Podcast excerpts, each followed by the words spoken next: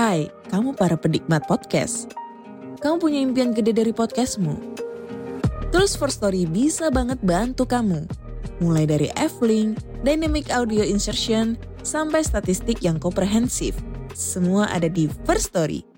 Gak ketinggalan kamu bisa monetisasi podcastmu lewat iklan dari First Story Ads yang bisa kasih kamu penghasilan dari setiap place podcastmu. Yuk gabung sekarang dengan klik di firststory.me. Sekali lagi, klik di firststory.me. Mari kita bawa mimpi podcastingmu menjadi kenyataan.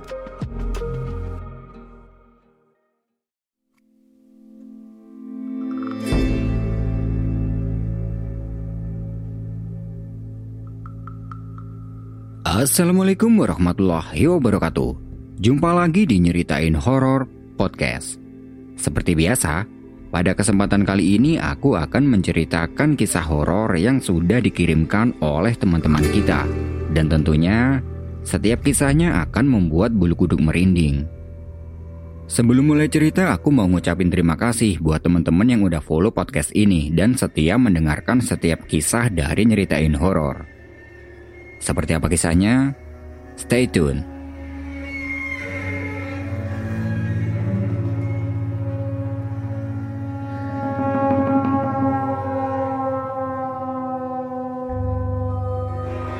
Berawal dari sebuah rencana mendaki gunung.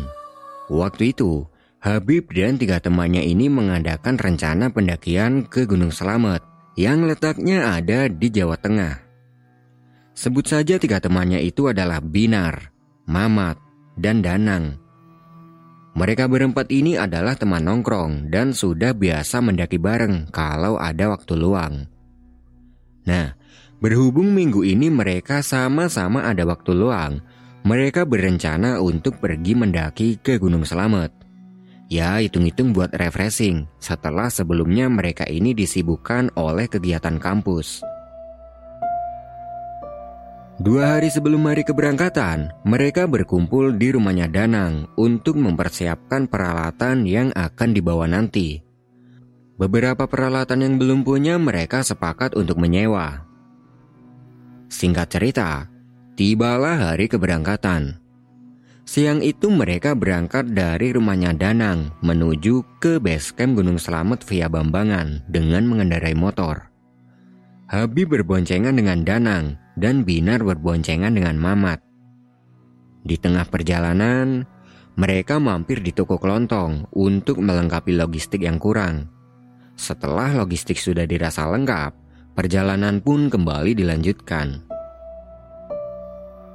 Setelah menempuh sekitar satu jam perjalanan, sampailah mereka di tempat tujuan.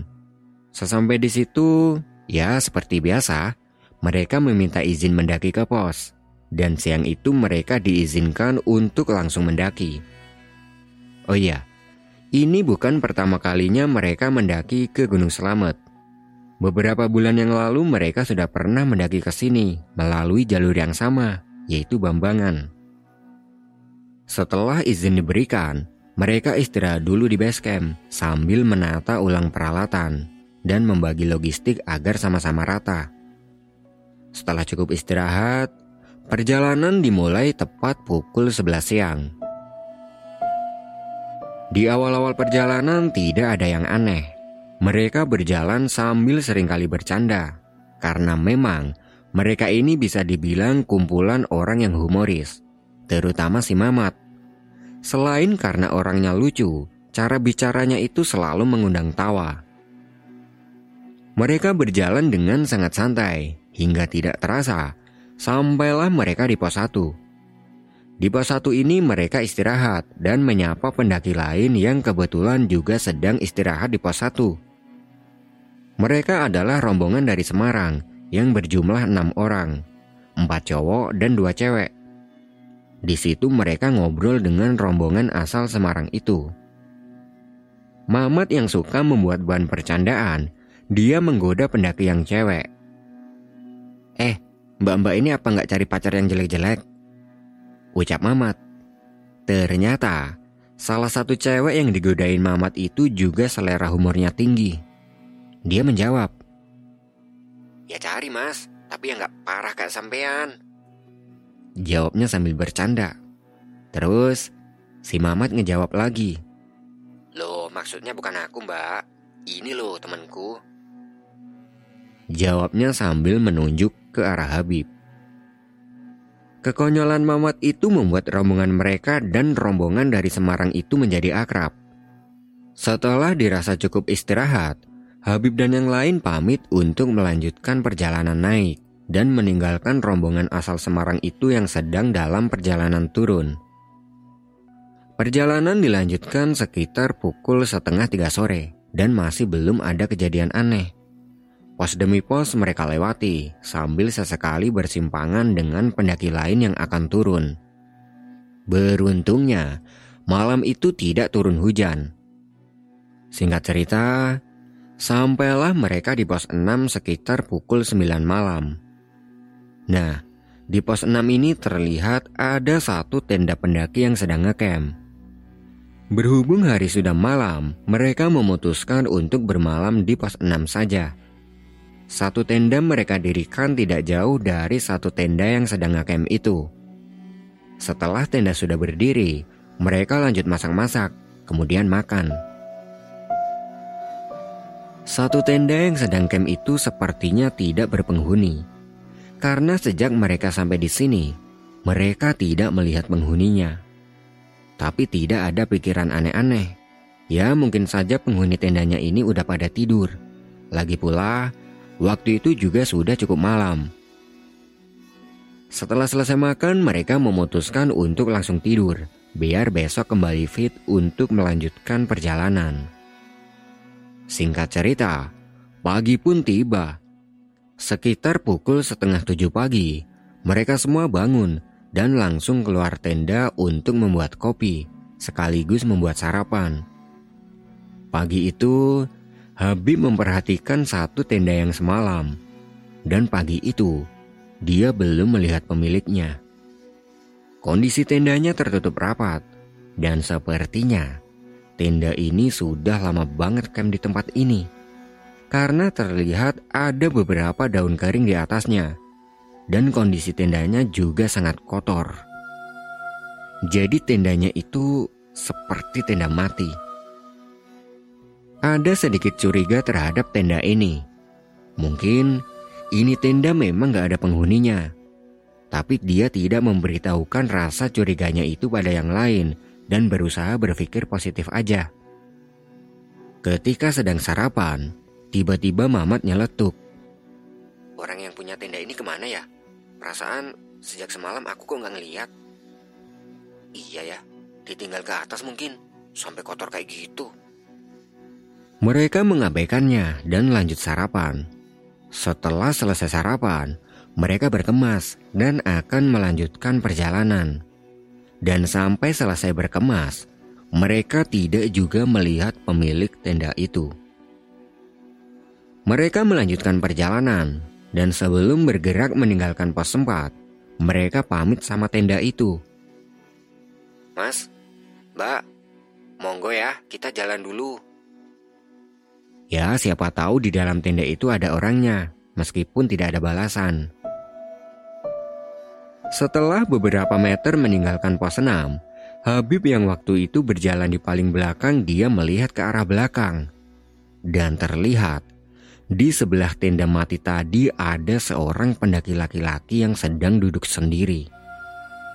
Dia duduk dengan posisi selonjoran sambil menatap ke bawah. Wajahnya tampak pucat, tapi hanya terlihat bagian atasnya.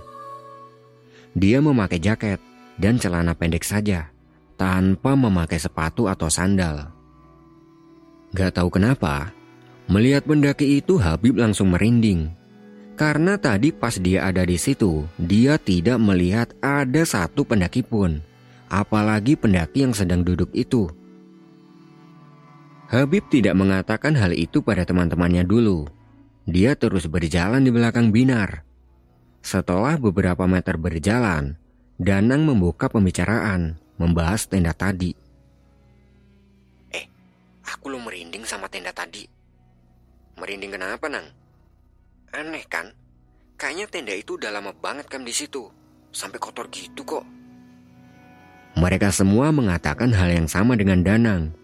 Lalu, Habib juga membuka omongan. Kalau tadi dia sempat melihat ada satu pendaki di sebelah tenda itu. Dia juga mengatakan tentang detail orangnya. Mendengar penjelasan dari Habib, semuanya pada heran. Lalu Danang bilang, Apa jangan-jangan itu bukan pendaki, Bib? Aku juga nggak tahu. Udahlah, jangan dibahas lagi. Merinding aku, sumpah.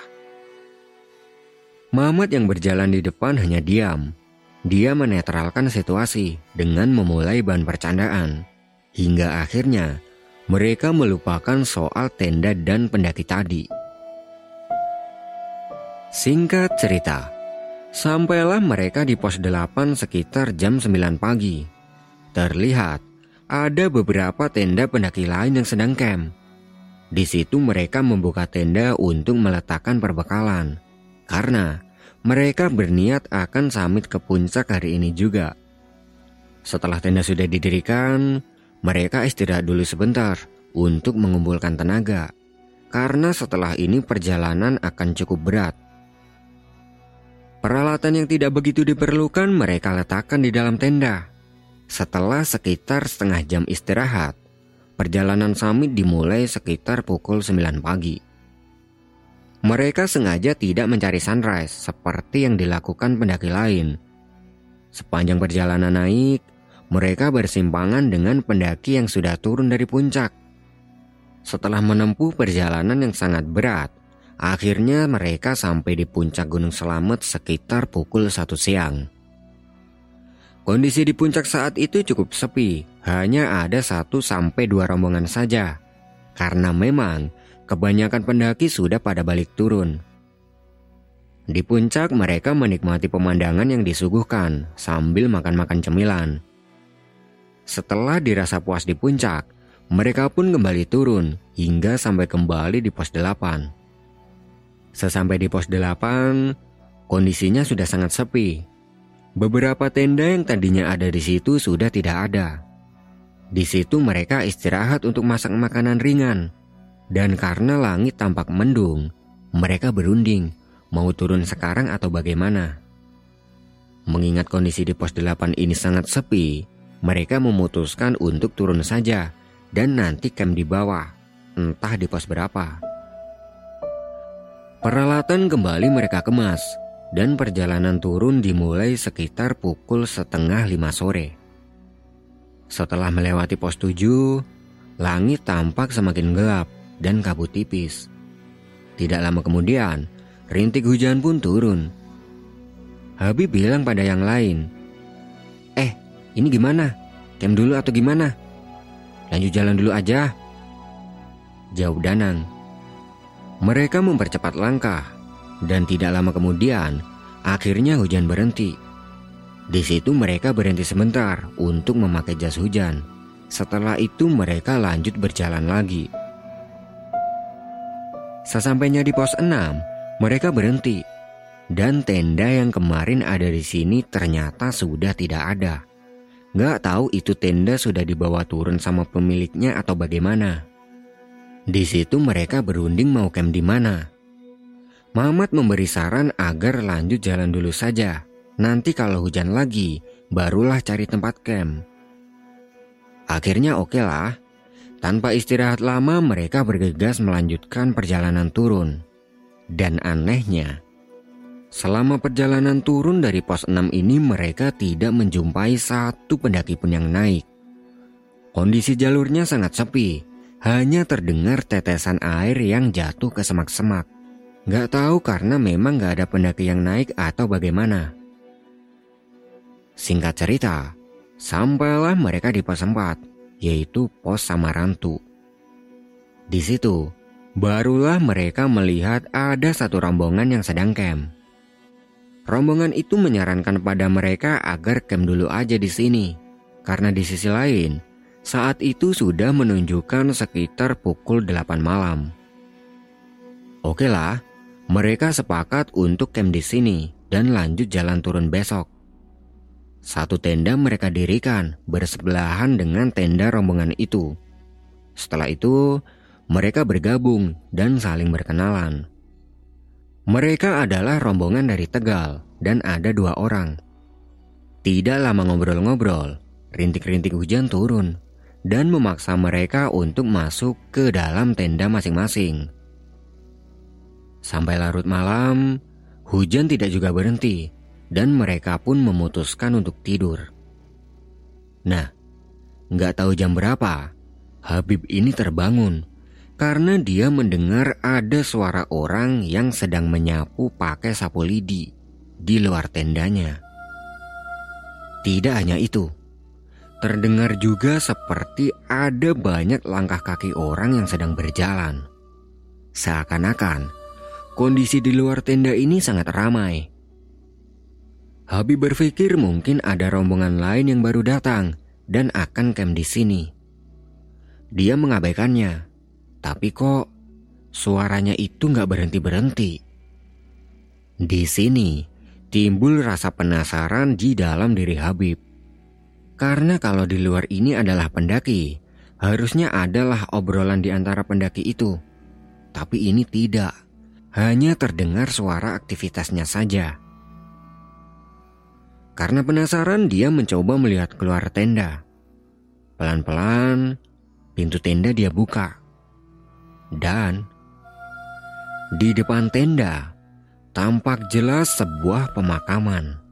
Dan pemakaman itu terlihat sangat kuno. Batu nisannya banyak yang sudah ditumbuhi lumut. Dan sebagian makam, batu nisannya terbuat dari kayu. Karena belum yakin dengan apa yang dilihatnya, Habib mengucap matanya. Kemudian dia perhatikan lagi. Dan memang benar, itu adalah sebuah pemakaman.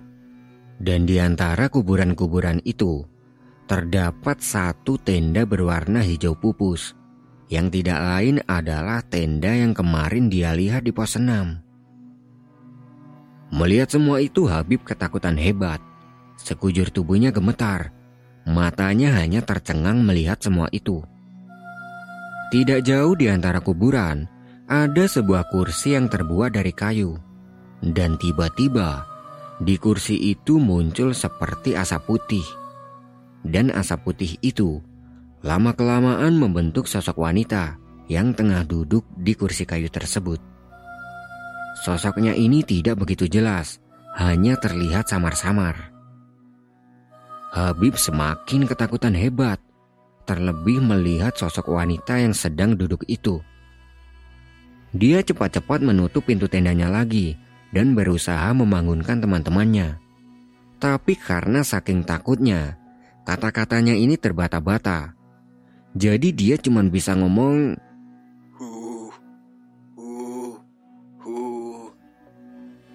dan segujur tubuhnya gemetar. Kalau istilah Jawanya itu ketegangan. Sampai semalaman, Habib ini terus ketakutan. Dia memposisikan badannya tengkurap dan menutupi mukanya dengan sleeping bag. Rasa dingin sudah tidak dia rasakan lagi. Sampai sekitar jam 5 pagi, teman-temannya bangun karena terusik suara Habib yang ketakutan. Bib. Bib, kamu kenapa, Bib? Ucap Danang. Tapi saat itu Habib ini tidak tahu kalau itu adalah Danang. Woi, Bib. Habib, nyebut Bib. Kamu kenapa? Lanjut Danang, dan Habib belum bisa merespon. Lalu, Binar dan Mamat membangunkan Habib dengan paksa. Melihat di situ ada teman-temannya, Habib langsung bersembunyi di antara teman-temannya. Sambil dia berusaha bilang, Kuburan, kuburan, ada kuburan. Teman-temannya kaget. Kuburan apa yang dimaksud Habib? Beberapa kali ditanya, Habib hanya menjawab begitu saja. Kuburan, kuburan, dan kuburan. Lalu Danang memberinya minum dan coba menenangkan Habib. Hingga perlahan, Habib ini merasa tenang. Setelah tenang, dia menjelaskan pada yang lain tentang apa yang dilihatnya semalam. Tapi, Pagi itu apa yang dilihat Habib semalam sudah tidak ada. semuanya kembali seperti sedia kala, yaitu pos 4. Dua pendaki dari rombongan sebelah pun datang untuk menanyakan apa yang sedang terjadi. Dan kata salah satu dari rombongan itu, mungkin semalam Habib ini melihat sesuatu yang dikatakan gaib. Karena pagi itu hari sudah terang, Habib memberanikan diri untuk keluar tenda. Dan benar, pemakaman yang semalam dia lihat itu tidak ada. Karena takut terjadi apa-apa dengan Habib, mereka memutuskan untuk berkemas dan lekas turun pagi itu juga bersama dua orang asal Tegal itu. Di sepanjang perjalanan turun, Habib hanya diam karena di dalam pikirannya masih teringat pemakaman semalam dan sosok wanita yang tengah duduk di kursi kayu. Singkat cerita, sampailah mereka kembali di base camp sekitar pukul 11 siang. Sesampai di base camp, Habib merasa sangat lega dan dia sudah bisa menjernihkan pikirannya. Tanpa lama-lama lagi, mereka langsung mengambil motor dan berpisah dengan pendaki asal Tegal itu. Pulanglah mereka. Sesampainya kembali di rumah Danang, dia baru bisa menceritakan semua yang dilihatnya itu secara detail pada teman-temannya. Mulai dari suara orang yang menyapu pakai sapu lidi, pemakaman kuno, sosok wanita, dan tenda yang mereka lihat di pos senam. Mendengar penjelasan dari Habib, teman-temannya ini sempat tidak percaya. Tapi melihat Habib yang setakut itu, akhirnya mereka percaya. Dan pendakian kali ini benar-benar pendakian terhoror bagi Habib.